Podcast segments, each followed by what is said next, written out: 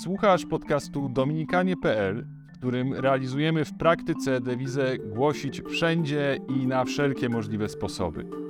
Ja nazywam się Radosław Więcławek, jestem redaktorem naczelnym dominikanie.pl i zapraszam Cię na odcinek serii Psychologia i Wiara, w którym dominikanin Tomasz Franz, który pracuje jako psycholog i psychoterapeuta, odpowiada na pytania przesłane przez naszych słuchaczy.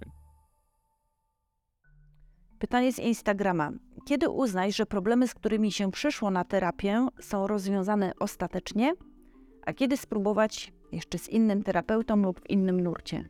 Oj, trudne pytanie, dlatego że często konfrontujące nas z niemożnością uznania tego, że problemy nie rozwiązują się ostatecznie.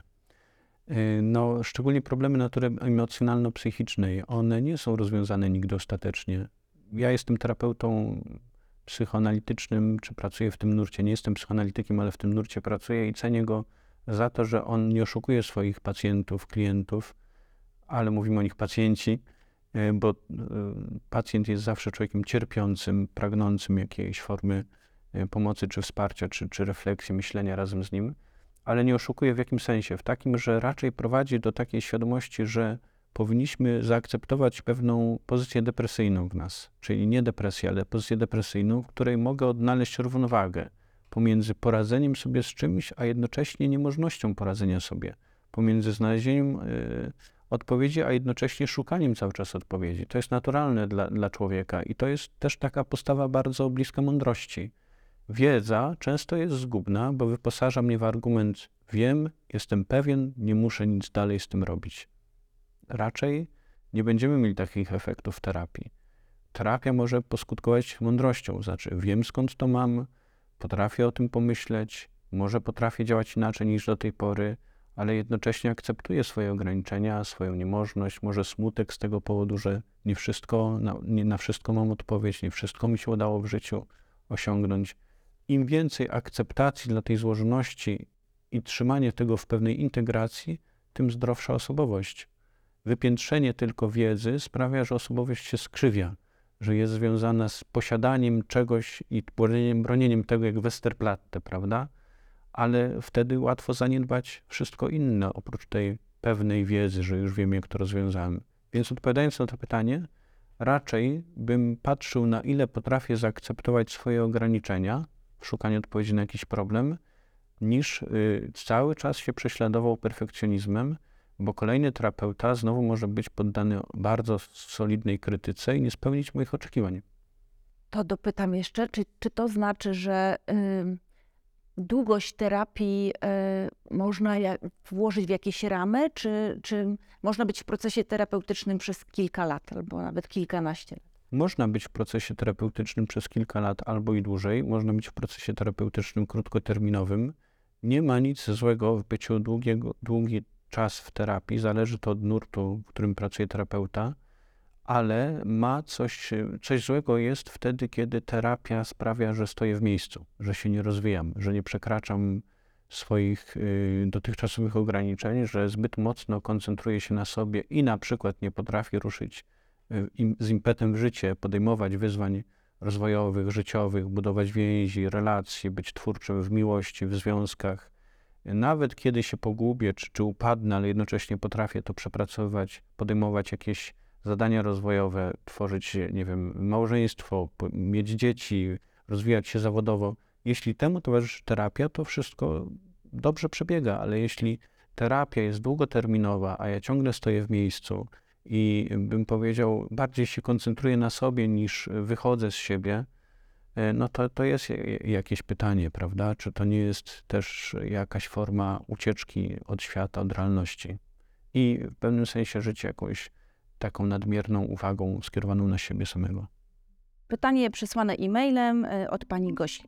Interesuje mnie temat budowania poczucia własnej wartości, ale żeby była to wartość wynikająca z bycia dzieckiem Boga. To bardzo ważne pytanie, myślę, że fundamentalne. Po pierwsze, związane z akceptacją samego siebie, ale w świetle y, wiary czy w oczach Bożych, z pewnością warto zwrócić uwagę na to, czy jest to źródło siły dla nas, czy też raczej źródło takiej ucieczki od swojego własnego ja. Zaczynając od psychologii, Nasza wartość zbudowana jest i połączona z naszym ego. Nie myślę o egoizmie, ale o własnym wnętrzu, o moim ja, które powinno być ja płodnym, związanym z miłością, z dawaniem siebie, z rozwojem, z szanowaniem swoich granic, a to mocno zakorzenia się też w świetle wiary. Przychodzi mi tutaj z pomocą modlitwa Ojcze Nasz, której uczymy się od samego dzieciństwa. Raczej z nią razem rośniemy i w tej modlitwie są ważne fundamenty związane z poczuciem wartości. Po pierwsze, jestem stworzony z miłości przez Boga, jestem darem danym innym ludziom przez Niego. To wyzwala we mnie jakąś możliwość miłości, twórczości, płodności. Po drugie, zawsze to zderza mnie z takimi relacjami wczesnodziecięcymi, jak i w sobie noszę doświadczenie miłości matki, ojca, w jaki sposób z nimi wchodzę w relacje z Bogiem, z innymi ludźmi, jak pracuję nad tym. W tej modlitwie jest jeszcze bardzo ważna rzecz związana z byciem dzieckiem Bożym, zdolność do przebaczania, pojednania. Chyba jako ludzie mamy tylko taki dar wyjątkowy jako stworzenia. Można powiedzieć, kochać kogoś, nawet jeśli zostałem zraniony. To też jest wzrastanie w byciu dzieckiem Bożym. No i podsumowując, myślę, że jeszcze raz powtórzę te, te rzeczy. Bycie stworzonym z miłości, bycie powołanym do płodności twórczej w dawaniu siebie, odkrywaniu w sobie zasobów płynących z bardzo bliskich, intymnych relacji ojca, matki, które wyzwalają we mnie tą płodność, tych wczesnodziecięcych relacji. I jeszcze wydaje mi się najważniejsza cecha to zdolność do przebaczania, życie pojednaniem, miłością przebaczającą. Często mam wrażenie, że ludzie stawiają znak równości między poczuciem własnej, jakby budują poczucie własnej wartości w oparciu o swoje talenty i sprawczość. E, I wtedy to poczucie własnej wartości z, jakby z gruntu wydaje się narażone na po- niepowodzenie. Bo Tak. jeżeli tylko jakby na tej podstawie e, opieramy je, czy, czy ojciec może jakoś tak Mhm. właśnie. Tak, tak, ma pani rację. Kiedyś można powiedzieć taka w psychologii dominująca siła związana z afirmacją y, proponowała nam, pro, proponowała nam takie podejście związane z umacnianiem sobie tylko tego poczucia wartości jako bycie jakimś sprawczym, nie mogącym pozwolić sobie na słabość, na jakieś rozczarowanie. Y, Uważam, że to fałszywa wizja. No Nie jesteśmy stworzeni jako doskonali. My cały czas musimy wzrastać w przepracowaniu w sobie również wad. I paradoksalnie powiedziałbym, że źródło naszej wartości raczej opiera się na umiejętności wstawania z wad niż na umiejętności radzenia sobie ze wszystkim.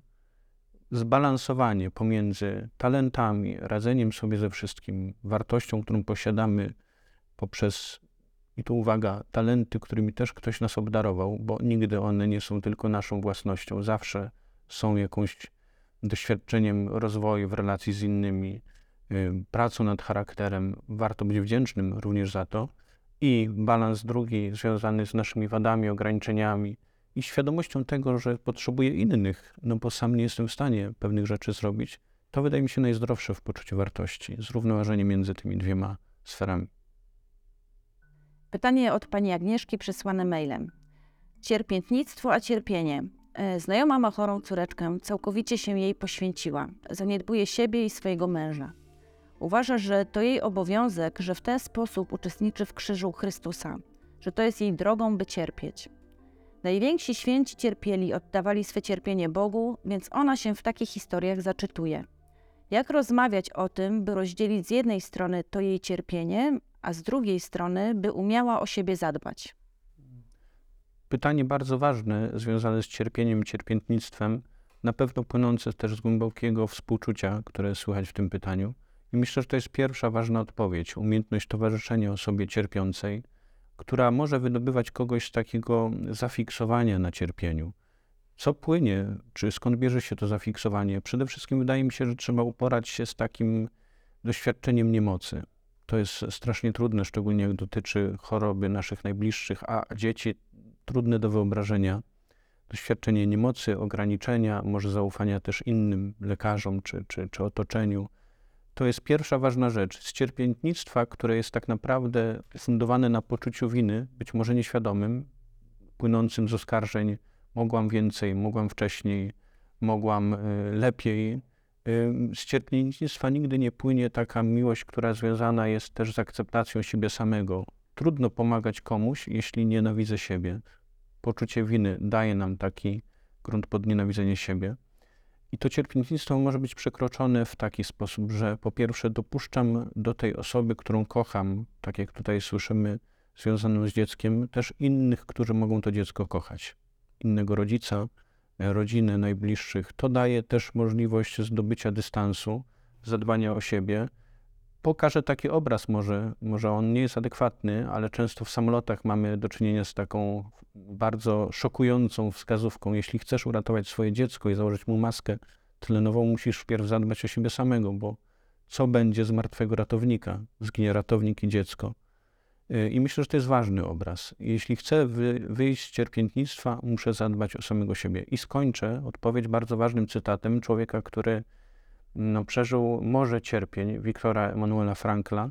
To jest człowiek, który przeżył piekło obozów koncentracyjnych i on nie szukał sensu w cierpieniu. Powiedział wprost: Cierpienie nie ma sensu, ale to, co jest domeną życia człowieka, to jest umiejętność nadawania znaczenia swojemu cierpieniu. I znaczenia związanego nawet z takim y, pytaniem zawieszonym w próżni, może bez odpowiedzi. Po co, skąd? Jeśli potrafię wytrzymać presję niewiedzy, to też jest odpowiedź płynąca z, takiego, z takiej godności mojego człowieczeństwa, uznania swoich ograniczeń. Nie na wszystko znajdę odpowiedź ale na pewno jest to wtedy cierpienie skierowane ku jakiejś wartości, a nie cierpiętnictwo zamykane we własnym, ciasnym, pełnym szarości, śmierci świecie. Czy myśli ojciec, że poczucie winy może wiązać się z cierpiętnictwem lub odwrotnie, cierpiętnictwo z poczuciem winy, które ktoś ma? Tak, myślę, że tak. Poczucie winy jest takim bardzo trudnym uczuciem. Ono skupia nas przede wszystkim na cierpieniu i nie daje możliwości odzyskania pewnego dystansu. Skupia nas też w taki sposób bardzo fałszywy, oskarżając nas, osamotniając nas, stawiając nas pod ścianą krytyki. Często też takiej fałszywej krytyki związanej z takim y, nękaniem. Powinieneś, powinnaś więcej przewidzieć, zaradzić, Cierpiętnictwo związane z poczuciem winy to taka droga, która jest pewnego rodzaju ślepą uliczką. Co innego jest mieć jakieś racjonalne pytania o swój udział w cierpieniu drugiej osoby i zmaganie się też z odpowiedzialnością, a co innego jest zmaksymalizowanie tego w taki sposób, który tylko i wyłącznie służy mi, może właśnie jakiemuś też ucieczce od uznania swojej niemocy, realnej, prawda, związanej z cierpieniem kogoś drugiego. Wolę nękać siebie, samookaleczać cierpieniem winy, cierpieniem z poczucia winy, niż uznać po prostu bezradność. Ta seria nie powstałaby bez wsparcia patronów. Dziękujemy.